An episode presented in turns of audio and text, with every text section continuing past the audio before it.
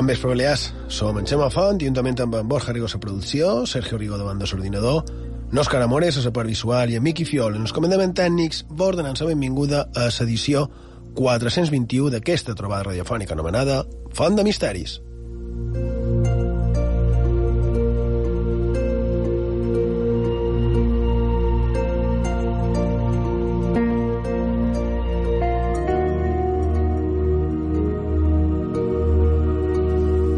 Bon vespre, Borja Rigo. Bon vespre. Sergio Rigo, bon vespre. Bon vespre, Xema. Borja Rigo, eh, no sé si tindràs vou i ànims per fer el programa perquè dus un memeu que déu nhi eh? Probablement més ànims que veu. Sí, eh? No, no la tenc en, la màxima, en el màxim estat de forma. Bé, veurem, veurem com mos anirà això, ja ho veurem. Anirem... Si no, abans, en, en Laura Benrey d'Informatius m'ha fet una, una proposta molt simpàtica, que és que per dir que sí, pegas un cop, i per dir que no en pegas dos, emulant, en aquell primer cas, de, de comunicació amb esperits contemporani, en el segle IX, les germanes Fox. Bé, Sergio, en Borja i les Sí. seves coses, en Seguim la sèrio. nostra. Sí, no, no, no, seguim amb la nostra o no. Ara, mira, que, que en Borja mos, mos vengui amb això mos va bé per lo que mos va fer um, ho dic en antena, eh? el que comentàvem ara, ara abans de- d'entrar. De, Sabeu que mos va dir en, en Borja Rigo dimecres passat quina va ser la petició que mos va fer en, en Sergio i jo? En Sergio estava fent feina, en, en Borja era a Fora Vila, per Devés Vilafranca, a Mallorca, i jo era a Eivissa. I en Borja mos envia un missatget. I què mos demanes, Borja Rigo? És que, és que no tens remei. És una... Era un, una petició que lo millor de cara al públic pot ser una mica estranya, però entre nosaltres no ho és, en realitat. No, no, no, no ho és. Per a tu, fer pols com estaves. Fet una autèntica porqueria perquè crec que estaves pitjor del que estàs ara. I, i fer què vares dir? I de, aprofitant que el dia el dimecres passat era dia 2 de novembre, que era dia de morts, aprofitant l'efemèride d'un cas fantàstic i meravellós que han contat de Font de Misteris, que té a veure amb de Sant Francesc a Palma, el cas de la Leonor d'Esmur, i de la seva resurrecció per matar a qui l'havia fet mal, i llavors vaig demanar que si rondàveu per la ciutat de Palma, que vos acostàssiu a l'església Sant Francesc i mirássiu de fer qualque psicofonia aprofitant d'aquell dia en concret. El que seria el més natural i el més habitual en qualsevol, qualsevol eh, circumstància, no? Estem ben arreglats. Bé, jo tinc una altra efemèride que se va complir just ahir, que és el cent aniversari del descobriment de la tomba d'en Tutankamon a Howard Carter. Ah, sí, avui de matí n'han parlat també en el, en el Nautilus. Aquesta és més habitual, aquesta efemèride, recordar-la. Sí, ara aquí tal vegada nosaltres hauríem de parlar de la maledicció, de la tomba i tot això, però... o de les nostres pròpies mòmies, tant egípcies com posteriors, que, que ronden per Balears. I de crec que no parlarem ni d'una cosa ni de l'altra. De fet, anem a sumar-hi i així sabrem de què parlarem avui.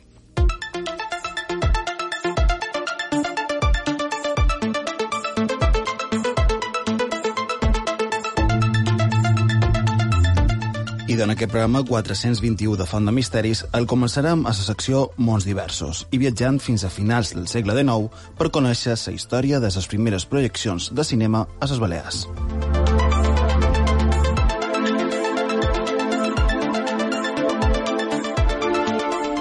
Després seguirem parlant d'ovnis, concretament un cas que darrerament s'ha posat de moda, i el compararem amb altres per conèixer la seva evolució. Tot d'una sabreu sobre què xerram.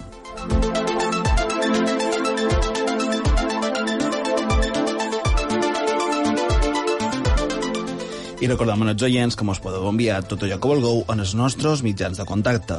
Ho podeu fer, com sempre, per WhatsApp i Telegram. El número de telèfon és 659 1669 52. Ho repetim, 659 1669 52.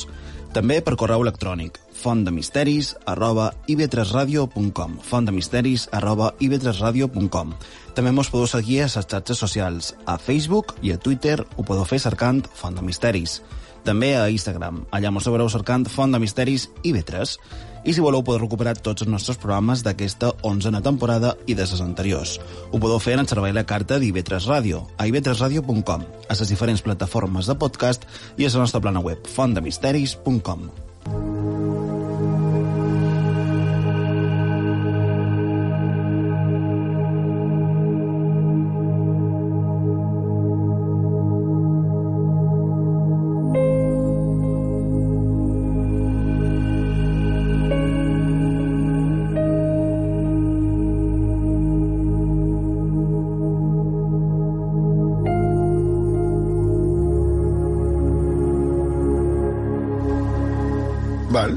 De començar amb qualque punt damunt història del cinema, de l'origen del cinema a les nostres illes, Sergio Rigo. I d'avui, Xema, vos vull parlar de l'arribada del cinema a Balears, concretament de la primera projecció que se va dur a terme el 23 de gener de 1897. Com us podeu imaginar, va ser un esdeveniment històric i que va cridar molt l'atenció d'aquells que ho varen viure. Si vos sembla, agafant la màquina dels temps i mos anam fins a finals del segle XIX.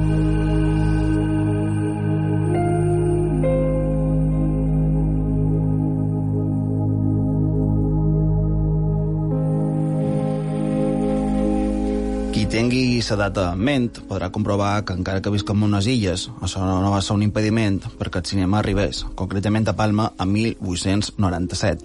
Va ser 1895 quan els germans Lumière, concretament el 28 de desembre d'aquell any, presentassin la seva primera gran projecció a París. I d'això, just un any i busques més, el cinema ja havia arribat a Balears. I on se va produir aquesta primera projecció? I en el teatre principal de Palma, després de la representació d'una obra de Benito Pérez Galdós, la de Sant Quintín. A continuació se projectaren les que serien les primeres imatges en moviment que veuria la societat mallorquina. Era la famosa arribada del ferrocarril, aquella que sembla que surt de la pantalla, i la darrera de cotxes automòbils.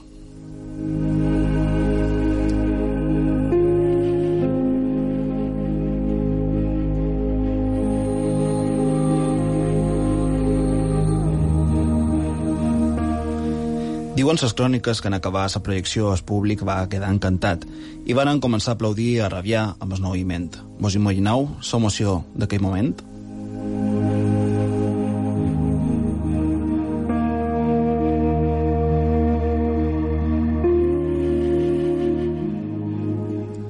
A partir d'aquí, la gent i els empresaris de l'època se comencen a interessar per l'invent. I a Mallorca, a més dels cinemes o els projectors que s'instal·laren a diferents indrets, tenim una cosa molt curiosa. Els projectors que trobam a Silla de Mallorca tenen un caràcter itinerant. Com ho podeu llegir a un article de Diari de Mallorca, se trataba de máquinas que se accionaban manualmente, siendo desplazadas sobre un carromato. Además del proyector, disponían de una pequeña pantalla colgada a escasa distancia de la máquina.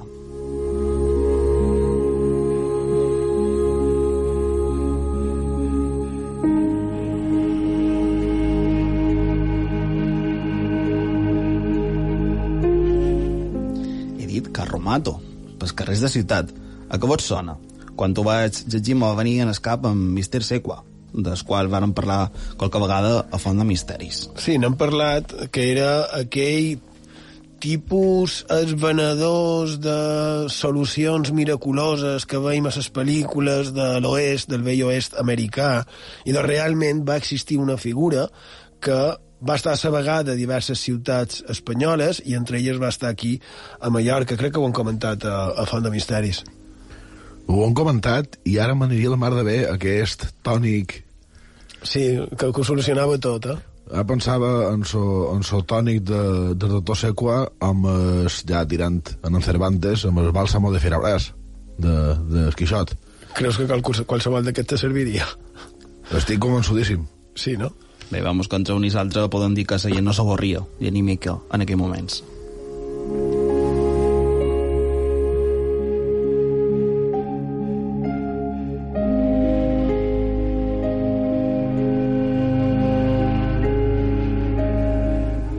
I bé, no va ser fins a quasi sis anys després que no s'obriren les primeres sales exclusivament de cinema a ciutat.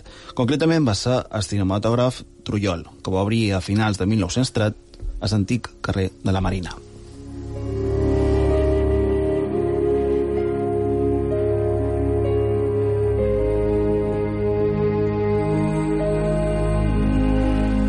I ja per acabar, com estan mirant coses sobre el Teatre Principal de Palma, també m'agradaria comentar molt ràpidament dues curiositats més. En primer lloc, no sé si sabeu que al Manco hi ha constància que aquell indret va ser utilitzat una vegada com a restaurant, concretament des de 8 d'abril de 1915. I va ser perquè el conde de Romanones va oferir un banquet i sembla que no tenia més joc que aquell per fer-ho. Se van posar taules de fusta per tota la sala, les butaques van quedar baix i se va deixar aquell indret a l'alçada de l'escenari.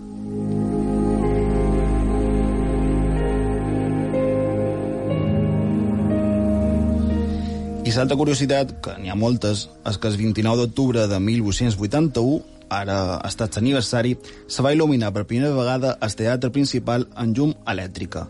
Els programes ho anunciaven així. Por vez primera, la gran novedad del siglo, el alumbrado eléctrico. Este magnífico coliseo será uno de los primeros de España alumbrado con la espléndida luz eléctrica, de una fuerza luminosa de 500 mecheros. Al efecto, el teatro estará alumbrado como de costumbre hasta el momento de empezar la función. A las 8 desaparecerá el gas ordinario y un relámpago inmenso de luz eléctrica inundará la sala del teatro, que continuará en parte de la función.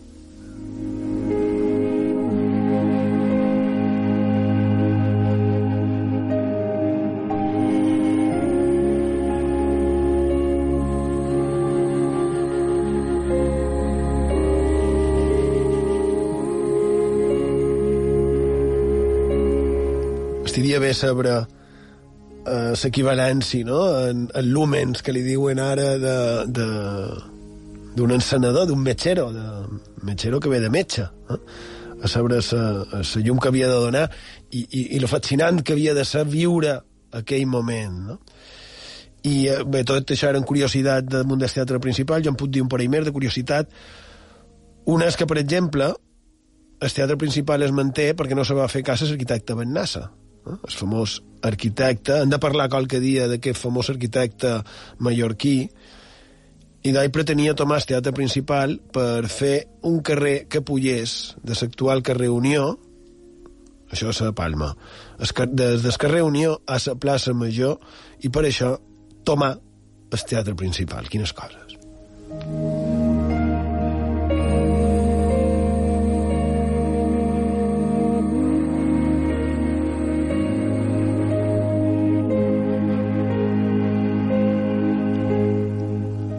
Una altra curiositat, per exemple, seria que el que és actualment aquest teatre principal de, de la ciutat de Palma va ser construït per primera vegada l'any 1662 i es va fer per poder recaptar d'obvers per a l'Hospital General, eh, com a beneficianci. I es va construir una casa de comèdies, que es deia, o un corral de comèdies, que amb el temps després esdevindria en Corter quan la guerra de successió. I el teatre principal que tenim ara es va començar el 1854 i es va acabar de construir el 1857, encara que pocs mesos després s'hagué de refer per un incendi que va patir.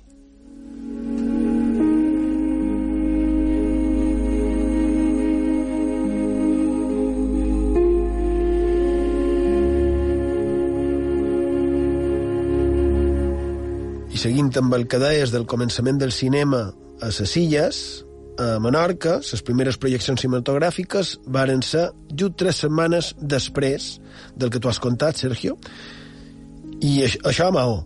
Després, en canvi, a Ciutadella es va trobar encara tres anys més i va ser tot un esdeveniment. El titular de premsa deia cronopolicromoafonógrafe Según nos acaban de informar, mañana en el Teatro del Casino Círculo Artístico se exhibirá dicho aparato, creyendo por la novedad no faltarà concurrencia. Però, curiosament, entre la primera i la segona projecció es varen trobar més d'un any i mig. I, entre d'altres, m'imagino que era pel problema afegit de no tenir el que deies tu abans, electricitat. I a Eivissa i Formentera va ser una mica posterior a Eivissa, imagino que va ser en el Pereira, clar. Però, i a Formentera, quan diríeu que es va emetre per primera vegada una peça cinematogràfica? I de, en el llibre de Miquel Esbert, titulat El cinema a les Balears des de 1896, he trobat l'any 1959 com a primera referència. I clar, jo ho he trobat massa recent. I he cercat una mica més i resultaria que va ser ni més ni manco que oficialment seria l'any de 1953. I ben probablement un del motiu d'aquest retard tan considerable respecte a la resta de les nostres illes era perquè encara que haguessin duit els aparells a Formentera, no els haguessin pogut fer funcionar perquè precisament no hi havia electricitat.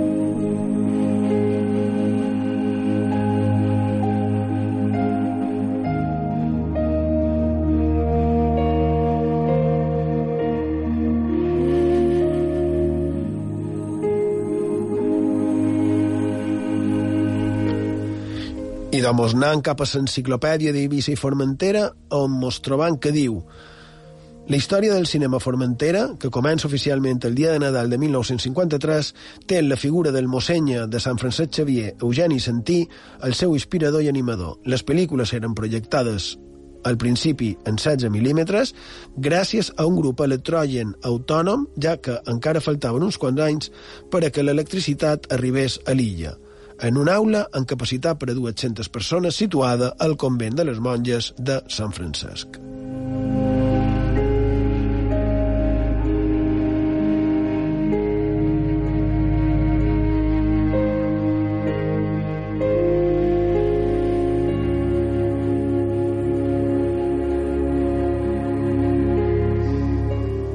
Jo crec que són curioses, no?, les diferències que hi havia i que encara hi ha entre, entre les nostres illes i també entre les diferents poblacions de les nostres illes, perquè a Formentera els anys 50 encara no tenien electricitat i en canvi a l'Aró, l'any, estic parlant de memòria, l'any 1901 és quan se va fer la central elèctrica de, de l'Aró, que donava només un parell de bats, però eh, és, és molt curiós, no?, aquestes diferències que, que hi havia. I de petita pausa i tot d'una continuem aquí a Font de Misteris, a IB3 Ràdio.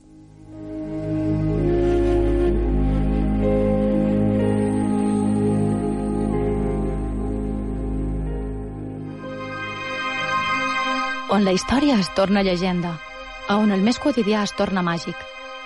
Acompanya'ns a la nostra font de misteris a IB3 Ràdio.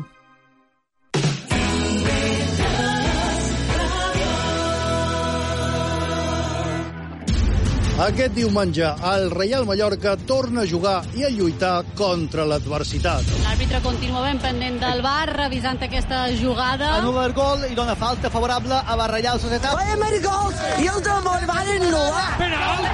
Se revisarà, diu corna. Això se revisa. Sol Boix, amb peu... És penal, és penal. I llavors si li roben, i li roben, en el que li roben. Aquest diumenge, des de les 5 i mitja del capvespre, Esports 3 en joc amb el partit entre el Villarreal i el Reial Mallorca. ¿Qué, qué pasa con el bar? Bueno, un whisky i a dormir. Ens endinsam en el teatre, en la literatura, en el cinema, en la música i també en l'art. En la grisó cultural que teníem va ser capaç de dir hem de començar a fer cruix i començar a aflorar l'alegria, la Una potència. iniciativa que compta amb la participació de diferents professionals del sector, entre ells, per suposat, els Un artistes. artista multidisciplinar. Ha fet caricatures, gravar, cartellisme i fins i tot pintura. De dilluns a divendres, de 6 a 7, T'acostam tota la cultura de les Illes Balears. entusiastes, amb Anna de la Salut.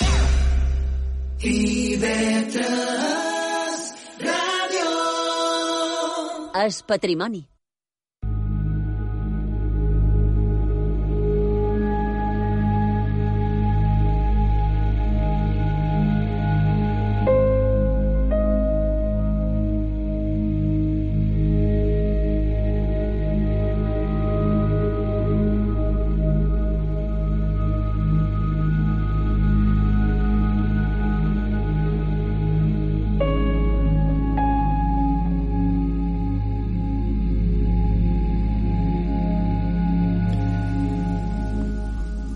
Seguim a Fan de Misteris, a sintonia d'IV3 Ràdio, la ràdio pública de les Illes Balears. A Menorca mos podeu trobar en el 88.6 de la freqüència modulada i com bé, ho vàrem dir ja la setmana passada, en Sergio ho ha dit en el sumari, volen seguir una mica amb el tema aquest dels mm, reconeguts casos d'albiraments, en aquest cas el cas Humo, un dels casos més sonats de la història de sufologia, tant a nivell nacional com a nivell internacional.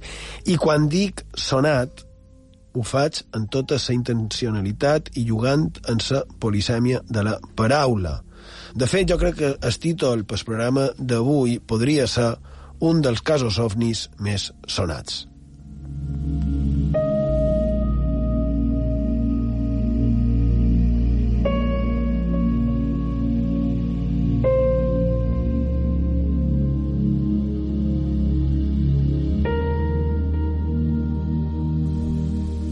En Borja mos va contar i vàrem estar comentant els origen del cas aquell que s'anomena Humo, on un albirament molt sonat, ara sí, amb el sentit de famós, i doncs va produir per Devés Madrid, a, a Luche i a San Juan de Valderas, però després s'haurien repetit casos semblants en el de San José de Valdera, que ja, que ja el varen comentar. Hi ha un cas recollit en els seus escrits, on parlen de que a València s'haurien vist ovnis, com els de Madrid, que van originar el fenomen, no? el fenomen Humo. Molta documentació la teniu a la seva plana web, que jo crec que és d'ells mateixos, els de l'organització d'aquesta associació o el que sigui, aquest grup. Eh, la plana és humo-ciencis.org i tenen documents uh, i també escrit de l'època, no? I un, un dels textos diu les siete fotografies d'un vet, que voldria dir, crec, vehicle extraterrestre dirigit, idéntico al de San José de Valderas, tomada sobre el mar el 5 del 3 del 69 en la playa valenciana de Saler, zona de Pinedo, positivas que nos fueron remitidas por Vicente Juan Ballester Olmos, han sido consideradas auténticas, al igual que las de Valderas, por Percy Hennell, experto británico en fotografía con el que estuvimos reunidos la noche del 21 de mayo durante tres apasionantes horas. I am very much impressed, nos dijo escuetamente al término de su detallado análisis de los negativos y copias de San José de Valderas. They are the best UFO photos I have ever seen, sentenció Hennell, tenemos sus palabras grabadas en la cinta magnetofónica. They are definitely no false.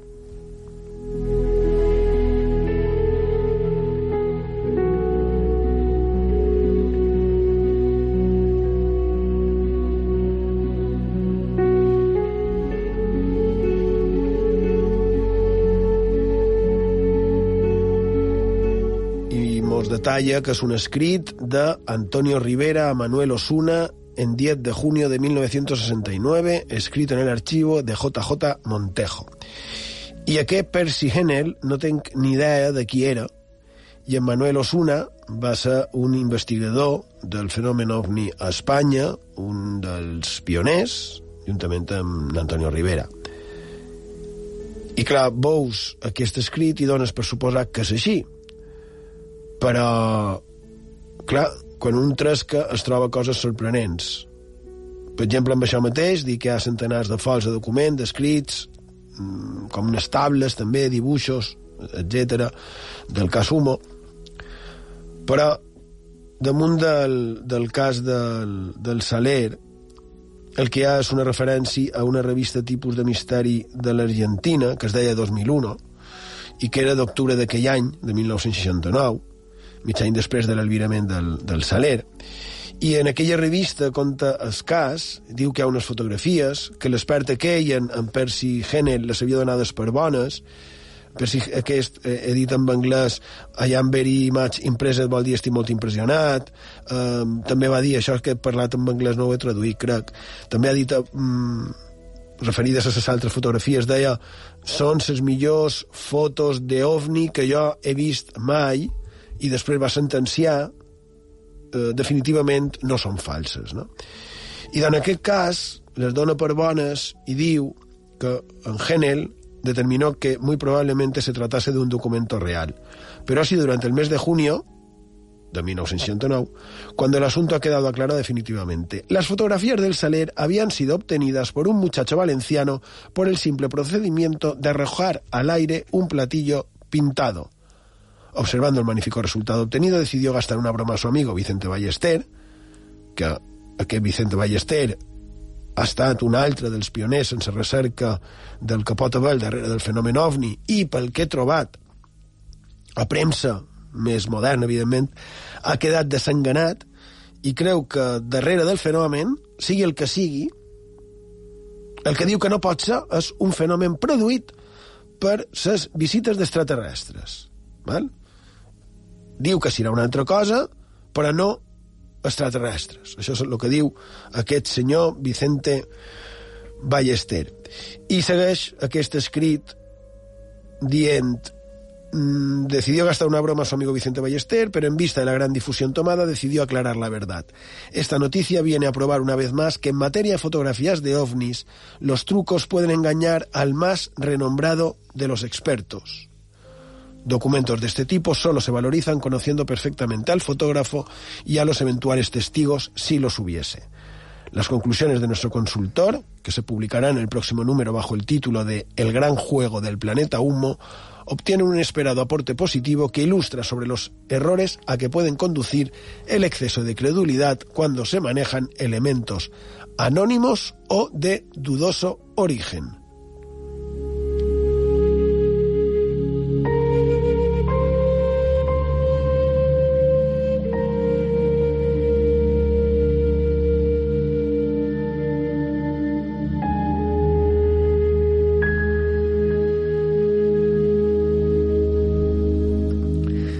Clar, si mos fixem, parla dient que poden conduir a error això quan se manegen en elements que no sabem la seva procedència, eh, dubtós origen, eh, anònims, etc. Però és que en aquest cas era un amic de l'investigador. No estem parlant de que se la, la que li enviassi de manera anònima amb una d'aquestes cartes que se movien en aquella bonçà, en aquesta relació epistolar que hi havia entre els sumites i els terrestres. No?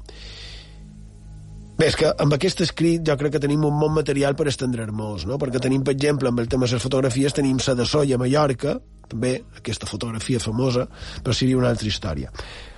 Parla del número següent d'aquella revista argentina de l'any 1969, que es deia 2001, i l'he trobat a la xarxa, i això és el que diu. Per començar, la portada d'aquell número de la revista és directament el símbol de, de tot aquest fenomen, del fenomen Hummo, que era el que duien a la panxa, per dir-ho d'alguna manera, els eh, platets voladors que es van fotografiar, i es fa la pregunta, ¿hay seres de otro mundo entre nosotros? La pregunta és una mica en la mateixa línia que les portades que sovint veiem en revistes d'aquest tipus també actuals, no? Però en aquest cas era en un moment que tenia un ressò important i un ressò real.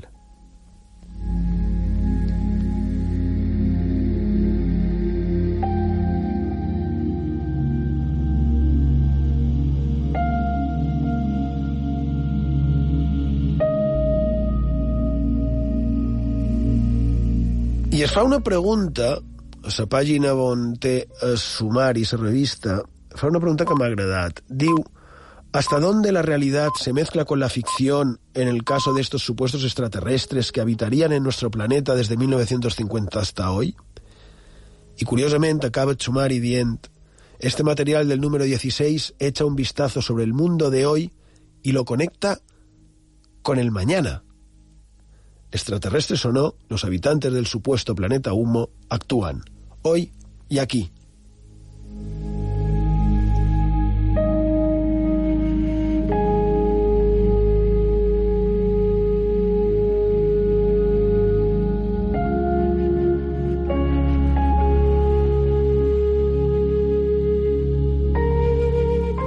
Efectivament, que ho ha connectat amb el demà, que és avui, no? I quan parla d'aquest tema titula l'article, pàgina 27 de la revista, El enigma del planeta Humo, el límite de la fantasia. I allà diu des de quan van saber d'aquest cas, desde fines de 1965 conocíamos diversas versiones sobre supuestos habitantes de un pretendido planeta llamado Humo que se comunicaban con determinados terrestres por medio de mensajes escritos. Pero en rigor de verdad, el presunto contacto aparecía tan pueril y falto de rigor científico que no se estimó necesario dedicar tiempo a un asunto que aparecía aderezado con los consabidos ingredientes pseudomísticos. El hecho de que la fuente principal de esos sucesos procedía el señor Fernando Sesma, inclinado al sensacionalismo y a las profecías apocalípticas, acentuó, si cabe, el natural rechazo por esta clase de noticias.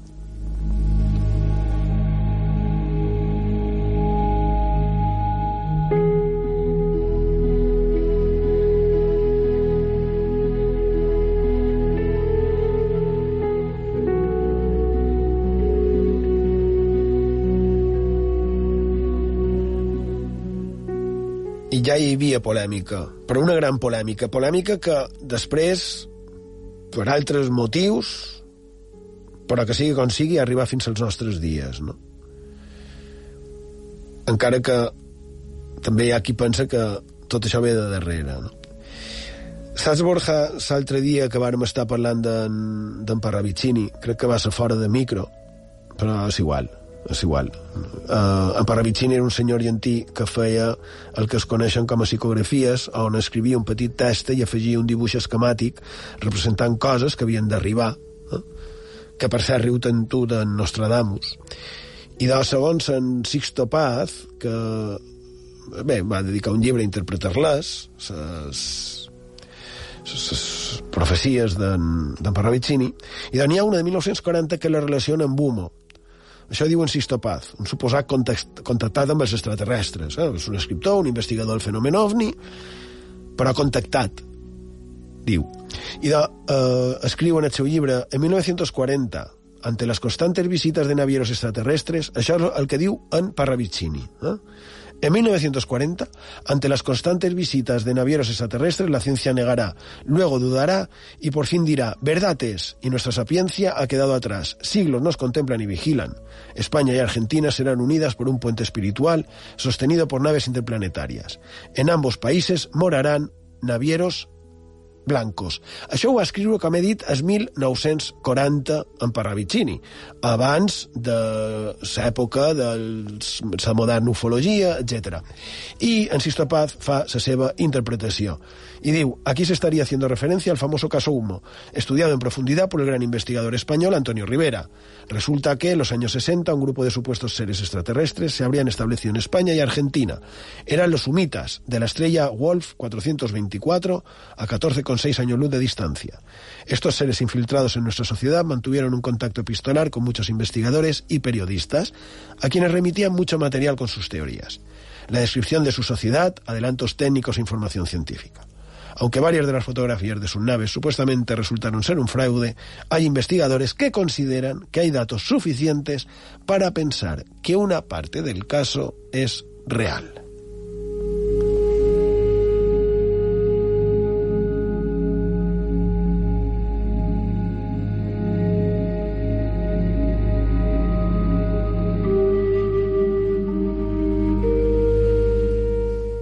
I amb això vull mostrar l'importància que va arribar a tenir tota aquesta història d'Humo. Eh? Importància no només aquí, sinó que també es va estendre pel món i, a més, de quina manera, Borja Rigo? I de, intentant seguir una mica el rastre del cas Humo arreu del món i cercant casos... Perdó, per cert, si me quedo sense bou que està, que està passant ara mateix no és que m'hagin atuït els humites sinó que això, que o que m'he quedat estes damunt la taula o, o cosa semblant. Esperem que no. Tampoc hem d'oblidar que parlaven d'humites gangossos fa unes setmanes i ara tindríem la versió una mica escanyada. També, sí. De, de lo mateix. Però, perdó, el que d'intentant cercar aquest, aquest de símbol eh, que apareix en els, en els aparells extraterrestres, aquest símbol vinculat a Homo, aquella espècie de H, i també he topat per ventura amb unes informacions fascinants. Vaig topar, per exemple, en la plana web del ja difunt Ignacio d'Arnau de Rojas Marcos, qui fins l'any 2018, moment de la seva partida, va ser també un dels més reconeguts i seriosos investigadors del fenomen ovni a Andalusia. En seu moment va tenir vinculació amb Momo. De fet, va rebre un bon grapat de cartes de suposats humites, però se suposa que en teoria fora de la trama o el que està Ben Jordan Penya i que han comentat aquestes setmanes. De fet, relacionat amb una de les afirmacions d'en Penya, aquella que es posava que el símbol humo el va crear ell mateix l'any 1966, trobam un parell de casos ovni anteriors i on les naus ja duen aquest emblema.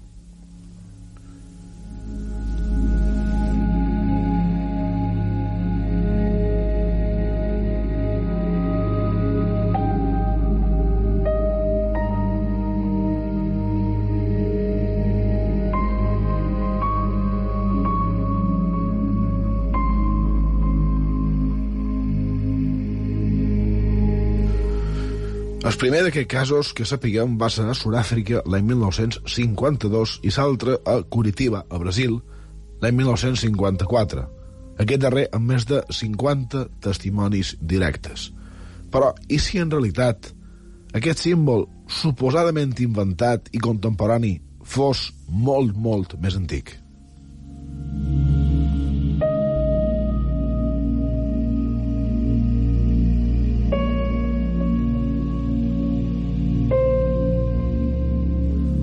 En Darnaude ho explica contant que l'any 2001, a la zona de Mali, mentre en Juanjo Benítez viatjava per l'anomenat País d'Ogon, va mostrar fotografies d'escàs balderes que comentaves tu fa una estona als habitants locals.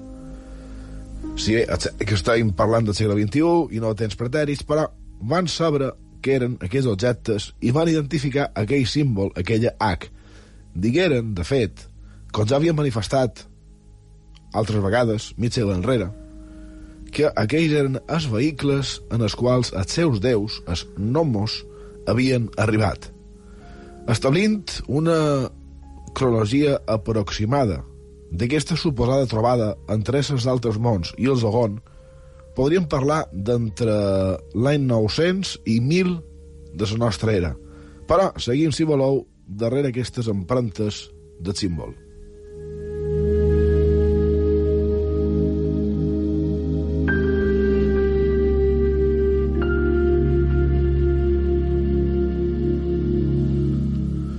Altres mostres de que no és cosa d'en Jordan les trobam a altres indrets del món.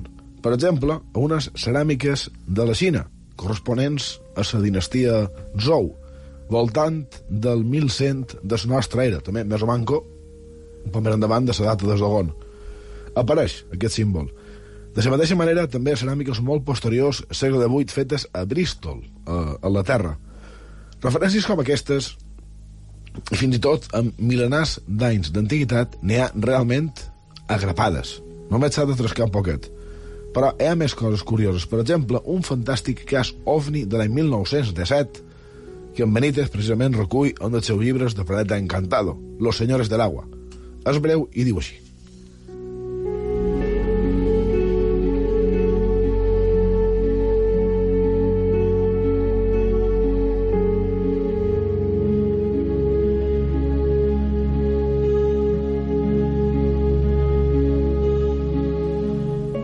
Pesar de su avanzada edad, Amores disfrutaba de una excelente memoria y confirmó lo que ya había adelantado a José Luis. Yo tendría alrededor de 10 años, era muy pequeño, pero se me quedó grabado. Fue durante la época de la siega, entre julio y agosto. En el pueblo se organizó un buen revuelo. Algo había bajado en la finca de los Ramoncicos, a las afueras de Peñascosa. Se trata de un pequeño cerro casi plano llamado de la Cruz. Yo no lo vi, no me dejaron. Pero mi padre, Ricardo, Ricardo Galera, y el resto de los hombres del pueblo lo contaban una y otra vez. Fue un suceso, era una cosa redonda, muy bonita, con una luz brillante y plateada. Allí estuvo dos días y dos noches. Los que mejor lo vieron fueron los segadores. Era una cuadrilla de hombres, mujeres y niños. Estaban a cosa de medio kilómetro del pueblo, al pie del cerro del que hablo. Y a 100 o 200 metros de la cosa también la Guardia Civil lo vio. Entonces estaba el cabo justo de Zapateros. Él y sus hombres se aproximaron al objeto en varias oportunidades, pero se mantenían siempre a distancia. El objeto tenía cuatro patas y una puerta chiquita a derecha. Por allí entraban y salían los hombres. Eran altos y con unas ropas muy raras, impropias de la época. Decían que no tenían boca, y que se tapaban la cabeza con algo parecido a un pasamontañas. Cuando la gente se acercaba, ellos se retiraban, entraban en la esfera y desaparecían. Estaba claro que no querían conversación con nadie. Cuando la gente volvía a sus labores, los gigantes aparecían de nuevo y se dedicaban a observar a los segadores y a los vaqueros.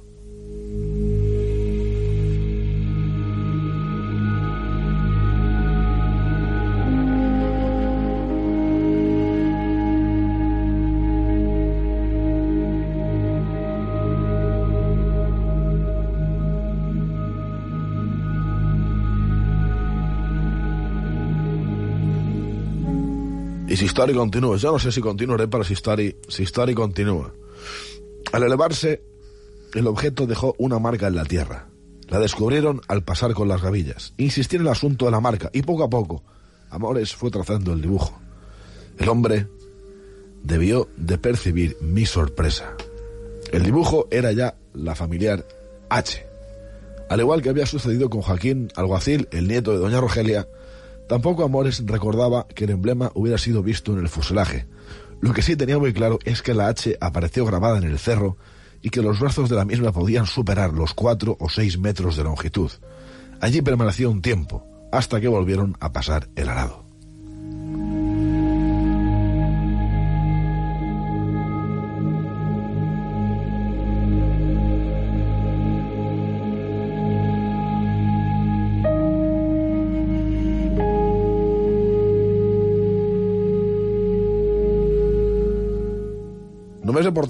Parell de detallets dels molts que hi ha que des del meu punt de vista, com ja he expressat qualque vegada, mostren que el cas Humo no és un Jordan Penya i els seus, és molt, molt més gran, molt més antic, de qualque manera, i no tinc dubte, ja deia la setmana passada, molt, molt real. Bé, és, és el teu pare, és molt curiós això que has contat, és molt curiós lo, eh, aquesta darrera, mm, aquest darrer albirament que has contat de l'any 1917, és molt sorprenent, és molt sorprenent, això tu has tret d'un llibre d'en Juan José Benítez, és periodista, escriptor, investigador, bestseller, a més, m'ha semblat molt curiós, la veritat és que sí. I tot el que has contat del país del Dogons mm, és un tema també que s'hauria de tractar perquè, clar, quina part mm, llegendària realment era anterior a la visita de, dels europeus, per dir-ho qualque manera, i quina no. Això és la pregunta que jo sempre me'l faig. I si qualcú, eh, li, perquè no crec que en Miquel Barceló, l'artista felanitxer, no s'estigui escoltant en aquest moment, però si qualcú li podria demanar que sap ell damunt d'aquesta història que es conta d'aquesta part tan fascinant del país d'Ogon, relacionant-lo amb éssers extraterrestres, no? El país d'Ogon que estiria a Mali, a Àfrica, i en Miquel Barceló eh, l'artista Ianc va passar una bona temporada, va dur molta d'obra feta d'allà, sé que havia de tornar i crec que en el final no, no va tornar, però sí que crec que coneix bastant la història del, del país d'Ogon. I seguint amb el tema d'Humo, la setmana passada, Borja, varen comentar el llibre Un mundo perfecto d'en Antonio Rivera i varen deixar a l'aire la pregunta de i què devia pensar un estudiós com ell, no? I de Sí, la setmana passada van dir Montana de mirar a trobar què pensava en Antonio Rivera, el pioner de submarinisme i desinvestigació ovni a Espanya, sobre el cas Humo, atenent això que va publicar diversos llibres damunt del tema. I honestament, no sé mm, del tot bé què de pensar, ja que el que he anat trobant no fa sinó afegir més foscor i més tenebres dins d'aquesta història que ja ho té tot. En Rivera i en Ferriols doctor de, de llibre Un caso perfecto, que des fa un moment, any 68, van rebre també suposades comunicacions humites. D'altra banda, per cert, que en Jordan Penya, com ja hem comentat, ben ficat dins el fenomen, et va subministrar bona quantitat d'informació. Això fa pensar que, per ventura, qual interès podien tenir en divulgar aquests fets, no? Curiosament, i com a punt final, per la meva part, ja en els anys 80, el propi Rivera va rebre algunes crítiques en els mitjans per la seva vinculació en el fenomen UNO. I sabeu què? I de, va aparèixer al Manco una carta signada per Humitas on se'l defensava.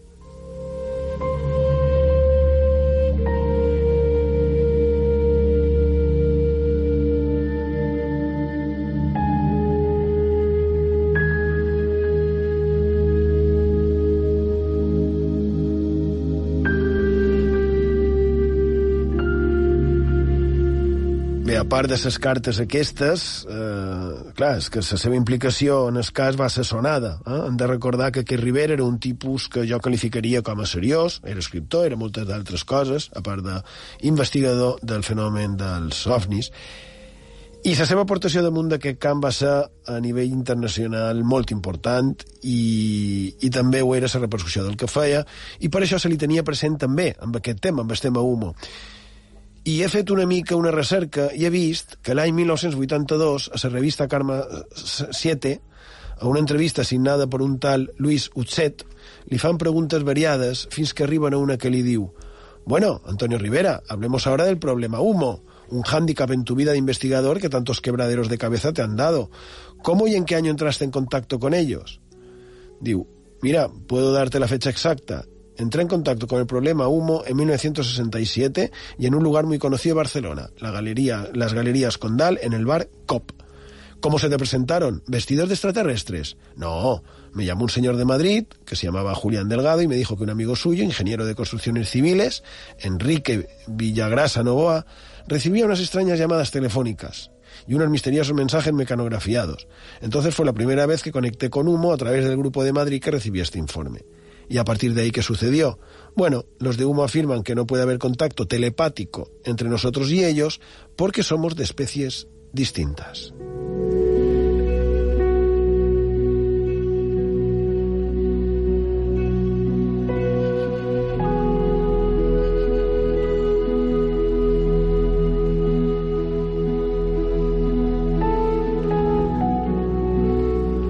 En el temps, en aquest investigador, en Antonio Rivera, eh, l'any passat segue, ell hagués fet 100 anys. Eh? L'any passat va ser centenari del seu naixement. I aquí hi ha una cosa que em va sorprendre, que és això del contacte telepàtic, perquè és el primer pic que sento una afirmació d'aquest tipus. No? No, sé, no sé què penseu, però precisament tots els missatges que venen del més enllà, fins i tot els marians, de les aparicions de mares de déus, sovint solen ser telepàtics. No? Si és que són res, evidentment, no estic afirmant. I diuen que així, d'aquesta manera, missatges telepàtics se poden entendre en qualsevol idioma. Fins i tot, aquell ésser estrany que li va compareixer en Ramon Llull eh, en, es, en la petita muntanyeta de, de Ran, de Mallorca, jo diria que, que es comunicava també precisament amb ell de manera telepàtica. No ho sé. Però això és el que deia en Rivera. Seguim. Um, 1996, l'altre era de 1982 i de 1996, mateixa revista, Karma 7, en aquest cas una entrevista d'Alfonso Serra Gallego, Diu, supongo que todavía sigue creyendo que el llamado asunto humo, al que tantos años de investigación ha dedicado, tuvo su origen realmente en una fuente extraterrestre y no en un fraude humano. En mi opinión, va a contestar Rivera, humo es una realidad, aunque desconocemos cuál es el aspecto que toma esa realidad. Sigo pensando que existen muchas posibilidades de que sean lo que ellos postulan, extraterrestres. Y después diu, en abril del año pasado, 1995, mi amigo Rafael Farriols recibió otra carta de humo, con un contenido muy singular, un asunto que ya dura 30 años, ha de ser forzosamente interesante.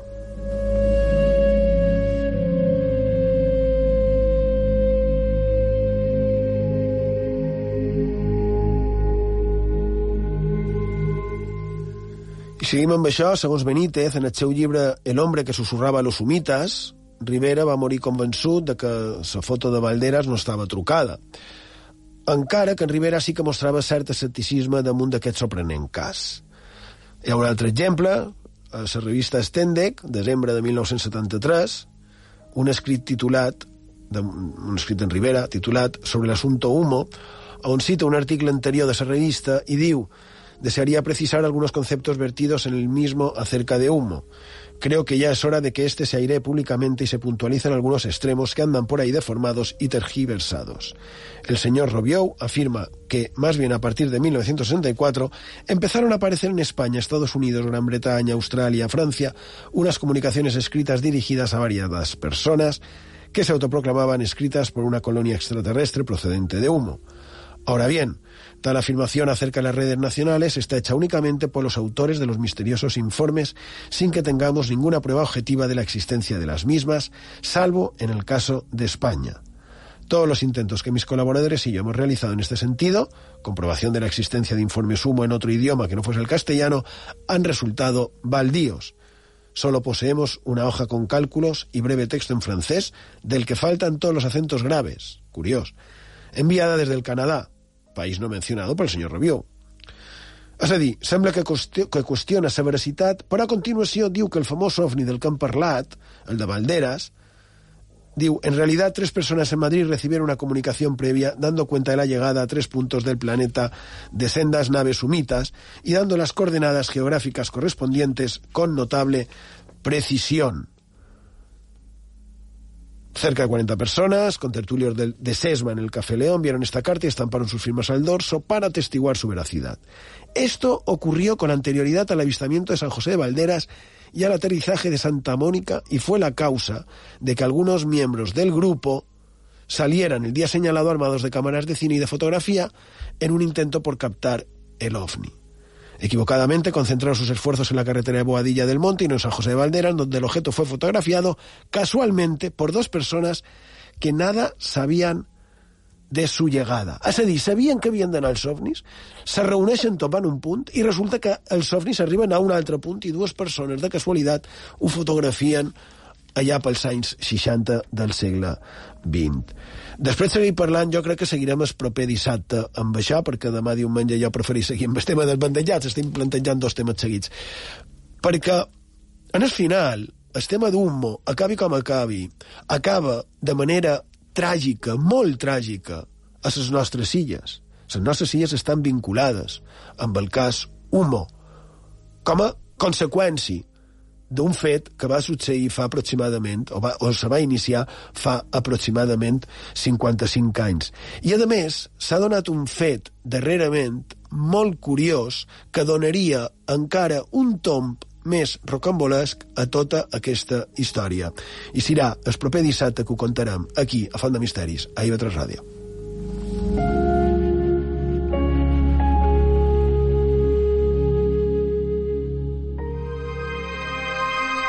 On la història es torna llegenda, a on el més quotidià es torna màgic. Acompanya'ns a la nostra font de misteris a IB3 Ràdio. IB3 Ràdio. És memòria. Sí que tenc ganes de cercar la llibertat. Hola, som en Joan Martí. Te convido a escoltar cada dissabte fent quilòmetres de 7 a 8 del matí. T'explicam de prop i en primera persona les aventures dels protagonistes més intrèpids i també històries de superació realment increïbles. I cada dissabte repassa l'actualitat amb José Sallés, l'avituallament amb Lucía Barca i el llibre o la pel·lícula amb Carlos Sunyer. Cada dissabte fent quilòmetres de 7 a 8 del matí i quan vulguis i en format podcast a la web d'IV3 Ràdio. Corre i vine, que ja feim quilòmetres. Corre!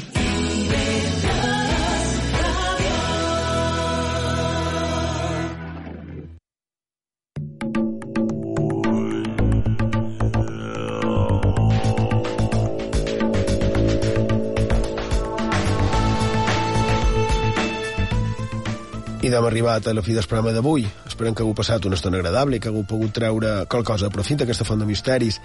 I l'altre dia varen dir, varen publicitar que les nostres illes i organitzar per la Federació Balear de Tir de Fona s'havia de dur a terme el Campionat del Món de Tir de Fona.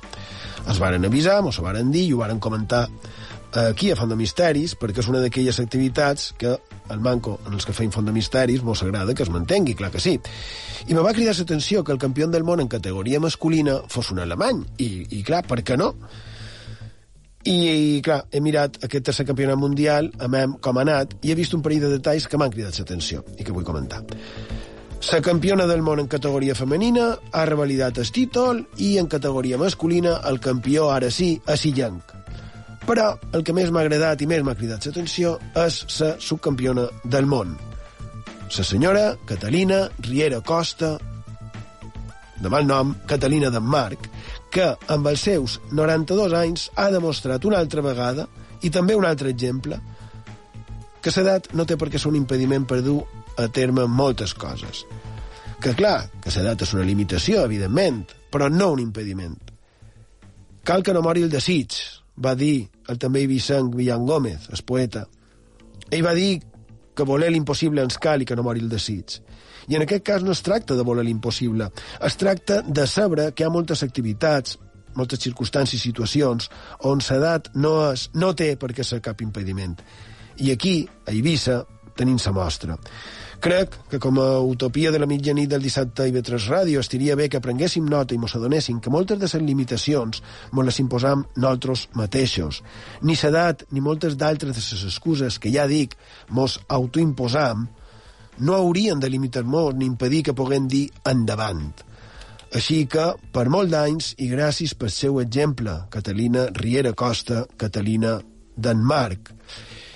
I quan el compositor de música country va sentir dir en Clint Eastwood que per mantenir-se actiu el que feia era no deixar entrar dins ell en el vell, no va poder fer una altra cosa que dedicar-li una cançó que esdevindria en la banda sonora de la pel·lícula Mule.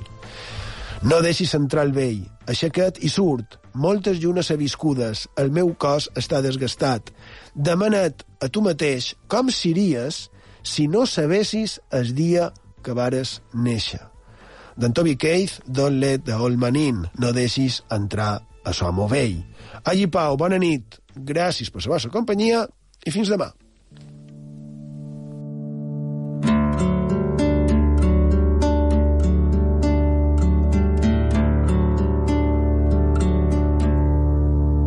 Don't let the old man I wanna live me some more. Can't leave it up to him. He's knocking on my door. And I knew all of my life that someday it would end. Get up and go outside. Man. Many months I have lived. My body's withered and worn. Ask yourself how would you be if you didn't know the day you were born.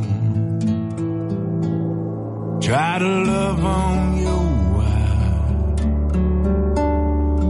stay close to your friends. Toast each sundown with wine. Don't let the old man